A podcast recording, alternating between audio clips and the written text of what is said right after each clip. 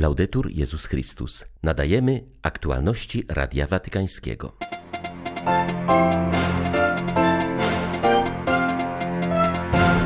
Nie rezygnujcie z posiadania dzieci, apeluje papież do małżeństw w kolejnym filmie z okazji roku rodziny Amoris Leticia.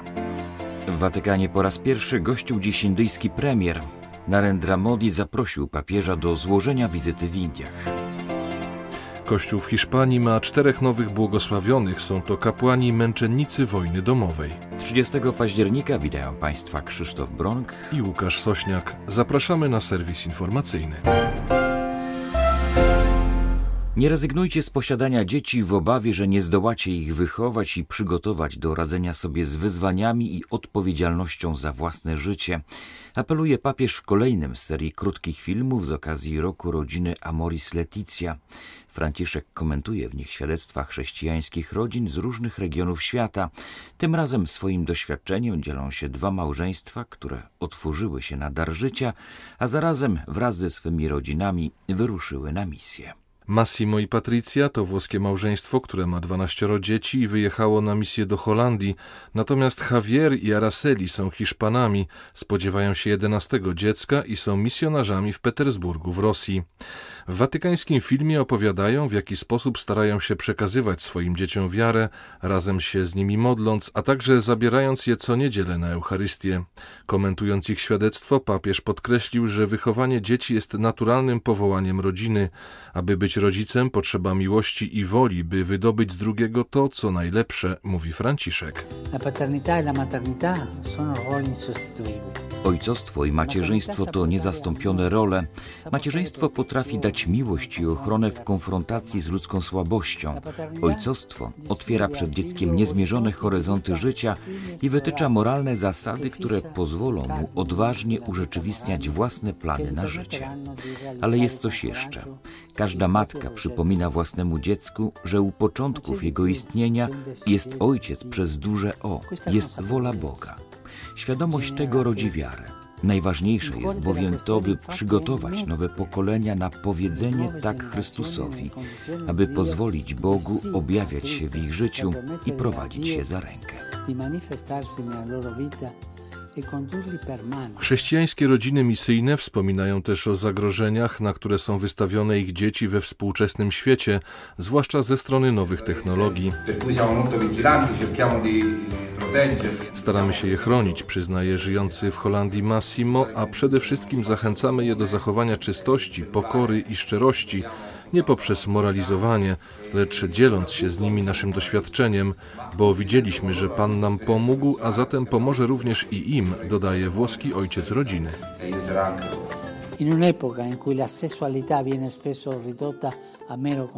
W epoce, w której seksualność zostaje często zredukowana do konsumpcji, do wykorzystywania drugiego człowieka, zadaniem rodzin jest wychowywanie dzieci do miłości i odpowiedzialnej seksualności, w której szanuje się godność drugiej osoby.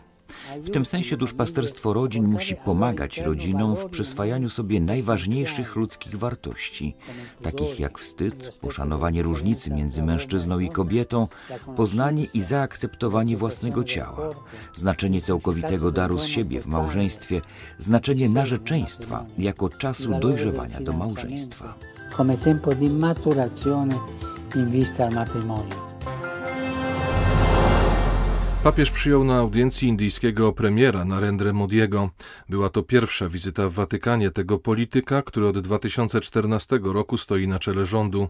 Audiencja u papieża trwała 55 minut. Po niej Modi pozdrowił też kardynała Pietra Parolina i arcybiskupa Paula Gallaghera, a zatem watykańskiego sekretarza stanu i szefa papieskiej dyplomacji. Krótki komunikat watykańskiego biura prasowego podaje, że podczas audiencji podjęto dyskusję na temat serdecznych relacji między stolicą apostolską Polską i Indiami. Sam Modi zapewnił natomiast, że spotkanie było serdeczne i stało się okazją do podjęcia wielu tematów, a także zaproszenia papieża do Indii. Na to oficjalne zaproszenie ze strony państwa Kościół w Indiach czekał od kilku lat. Pierwszym papieżem, który odwiedził ten kraj był Paweł VI. Jan Paweł II był tam dwukrotnie. Indyjscy chrześcijanie mają nadzieję, że ewentualna wizyta papieża w ich kraju mogłaby załagodzić antychrześcijańskie nastroje, które nasilają się w tym kraju m.in. pod wpływem propagandy partii nacjonalistycznej, której premier Modi jest liderem. Narendra Modi przybył do Rzymu w związku z rozpoczynającym się dziś spotkaniem G20. Następnie weźmie udział w szczycie klimatycznym COP26 w Glasgow. Ponad 30 tysięcy delegatów weźmie udział w rozpoczynającej się jutro w Glasgow konferencji klimatycznej ONZ. Przedstawicielem Ojca Świętego na COP26 będzie watykański sekretarz stanu. Mamy środki i zasoby, aby zmienić kurs i pomóc naszej planecie. Brakuje jedynie woli politycznej, powiedział kardynał Pietro Parolin w wywiadzie dla Radia Watykańskiego. Głównym celem spotkania jest opracowanie strategii realizacji planów redukcji emisji do atmosfery gazów cieplarnianych, aby przeciwdziałać globalnemu ociepleniu. Proces redukcji emisji został już zainicjowany. Zasadnicze pytanie dotyczy tego, czy państwa zmobilizują się na tyle, by dotrzymać terminów wyznaczonych przez naukowców jako optymalne, zaznaczył kardynał Parolin. Biorąc pod uwagę powolne tempo postępu, jednym z zadań Stolicy Apostolskiej jest mobilizowanie i motywowanie przywódców do konkretnych działań, dodał watykański sekretarz stanu. Ludzkość ma szansę zmienić kurs i podjąć odpowiedzialność za los planety. Chodzi o zmianę perspektywy z indywidualistycznej na wspólnotową. Papież Franciszek przypomina wciąż, że jeśli chcemy coś zmienić, wszyscy musimy współpracować, przypomniał kardynał Parolinem. Nasze zaangażowanie musi wynikać z postawy duchowej, która wzywa nas do walki z kulturą marnotrawstwa, dominującą obecnie w społeczeństwach. Droga do osiągnięcia celów zrównoważonego rozwoju ekologicznego i kontynuowania walki z degradacją społeczno-środowiskową musi rozpocząć się od świadomego przejścia od kultury marnotrawstwa do kultury troski. To jedyny sposób, aby to, co zapisano w porozumieniu paryskim, weszło naprawdę w życie, powiedział kardynał Parolin. Zdaniem watykańskiego sekretarza stanu jest oczywiste, że degradacja środowiska naturalnego i degradacja społeczna są ze sobą ściśle powiązane. Dlatego cywilizacja powinna dziś w centrum umieścić godność człowieka. Aktualności Radia Watykańskiego. Dialog między chrześcijanami różnych wyznań, zjednoczonymi przez jeden chrzest, zajmuje szczególne miejsce na drodze synodalnej. Tę myśl z synodalnego Wademekum przypomnieli kardynałowie Mario Grek, sekretarz generalny Synodu Biskupów oraz Kurt Koch, przewodniczący papieskiej rady do spraw popierania jedności chrześcijan, w specjalnym liście skierowanym do biskupów odpowiedzialnych za ekumenizm. Duchowni przedstawili swoje propozycje dotyczące ekumenizmu w ramach diecezjalnego oraz krajowego etapu synodu. W lokalnych kościołach biskupi wraz ze swoimi delegatami do spraw ekumenizmu są zachęceni m.in. do zaproszenia liderów wspólnot chrześcijańskich ze swojego regionu do włączenia się w diecezjalny proces rozeznawania poprzez obecność, jak i refleksję na temat pytań zawartych w kwestionariuszu dokumentu przygotowawczego synodu. Z kolei na poziomie krajowym episkopaty są zachęcane, by swojego biskupa odpowiedzialnego za ekumenizm włączyć do zespołu odpowiedzialnego za proces synodalny. Biskup ten powinien także wystosować list zapraszający przedstawicieli innych wspólnot chrześcijańskich i krajowych rad kościołów do udziału w posiedzeniu synodalnym episkopatu poświęconym procesowi synodalnemu oraz przedstawienia swoich uwag w przygotowaniu syntezy synodu. Podczas mszy w katedrze Matki Bożej w katalońskiej Tortosie prefekt Kongregacji Spraw Kanonizacyjnych ogłosił błogosławionymi czterech kapłanów, męczenników hiszpańskiej wojny domowej. Homilii kardynał Marcello Semeraro podkreślił, jak ważna jest jedność i wspólnota między wierzącymi. Zaznaczył, że męczennicy należeli nie tylko do jednej diecezji, ale razem byli także członkami Bractwa Księży Pracowników.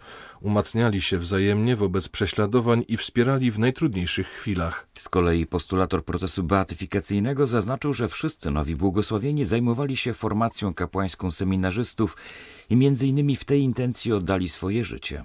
Przełożony bractwa ksiądz Nunes życzył, aby ich przelana krew stała się źródłem nowych powołań. W programie uroczystości znalazły się także wydarzenia kulturalne i duchowe, w tym adoracja eucharystyczna oraz wystawa poświęcona męczennikom. Czterej nowi błogosławieni są już ostatnią grupą z grona 30 kapłanów Bractwa Księży Pracowników zabitych w czasie wojny domowej w Hiszpanii i ogłoszonych błogosławionymi.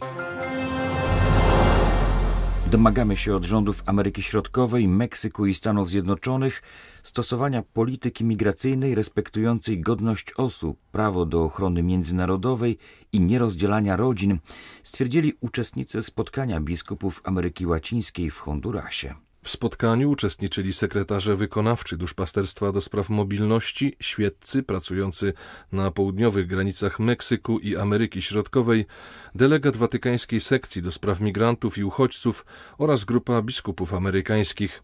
Zgodnie stwierdzono, że migracja jest prawem, a nie konsekwencją presji wywieranej przez różne czynniki, które sprawiają, że staje się ona obowiązkiem, takie jak ubóstwo czy przemoc. Biorąc pod uwagę fakt, że Ameryka Środkowa, Meksyk i Stany Zjednoczone są dla migrantów terytoriami pochodzenia, tranzytu, celami osiedlenia się bądź powrotu, biskupi sprzeciwili się wyraźnym mechanizmom pozwalającym na natychmiastowe wydalenie migrantów z powodu zagrożenia epidemiologicznego oraz polityki zostań w domu Joe Bidena. Wezwali rządy Ameryki Środkowej i Meksyku do humanitarnej reakcji na sytuację kryzysową spowodowaną polityką, której celem jest wyłącznie ograniczenie napływu migrantów i ich kryminalizacja. Zobowiązali się do promowania rzecznictwa wobec migrantów wśród rządów regionu, zwłaszcza Meksyku i Stanów Zjednoczonych oraz zaradzenia strukturalnym przyczynom migracji. Jako Kościół jesteśmy zobowiązani do wzmocnienia naszych regionalnych postanowień, by towarzyszyć i pomagać migrantom zgodnie z wezwaniem papieża Franciszka do budowania coraz większego my, czytamy w dokumencie. Po raz pierwszy w dwutysiącletniej historii Kościoła synod angażuje cały lud Boży. Jest to najważniejsze wydarzenie kościelne od Soboru Watykańskiego II. Wskazuje na to ksiądz Pietro Koda, członek Komisji Teologicznej Synodu Biskupów na temat synodalności, a zarazem sekretarz generalny Międzynarodowej Komisji Teologicznej. Włoski teolog zauważa, że Ojciec Święty kładzie duży nacisk na przypomnienie, iż nie mamy do czynienia z parlamentem czy sondażem opinii. Wskazuje, że jest to wydarzenie łaski i proces uzdrowienia kierowany przez Ducha Świętego. Nie chodzi w nim o demokratyzowanie Kościoła czy jego kosmetykę, ale o kwestię głębokiej tożsamości, mówi ksiądz Koda. Istnieje niebezpieczeństwo niezrozumienia synodu.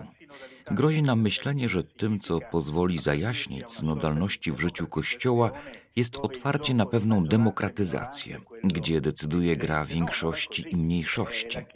Tymczasem tak nie jest. Kościół jest wydarzeniem Ducha Świętego i dlatego prawdziwym protagonistą synodu jest właśnie Duch Święty, który, jak często powtarza papież Franciszek, harmonizuje różnice, jedna je i prowadzi ku jedności, którą jest sam Chrystus.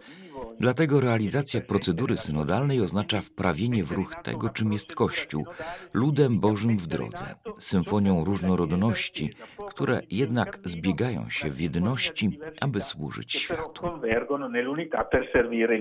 Włoski teolog wskazuje na słowa Franciszka, że w czasie całego procesu synodalnego należy zintensyfikować modlitwę i adorację Najświętszego Sakramentu. Papież przypomina nam, że życie w Chrystusie oznacza przede wszystkim otwarcie serca i rozumu na słuchanie głosu Ducha Świętego, na adorowanie oblicza Jezusa, co otwiera nas na wielką tajemnicę miłości Ojca. Konsekwencją tego jest dzielenie się Jego miłością z innymi, to jest korzeń życia kościelnego i procesu synodalnego, podkreśla ksiądz Koda. Wskazuje on, że możemy sprawić, aby uczestnictwo w tajemnicy Chrystusa stało się życiem we wszystkich przejawach komunii i misji Kościoła. Dlatego synod nie oznacza skupienia się jedynie na jakimś temacie, jakich jest wiele, ale na głębszej tożsamości Kościoła, która staje się konkretna, gdy jest podzielana przez wszystkich. Włoski teolog zauważa pewną trudność na drodze synodalnej, jaką jest dostrzeżenie i docenienie odpowiedzialności wszystkich ochrzczonych za Kościół, ponieważ nasze myślenie jest zdominowane przez jego piramidalną i hierarchiczną wizję. Były to aktualności Radia Watykańskiego. Laudetur Jezus Chrystus.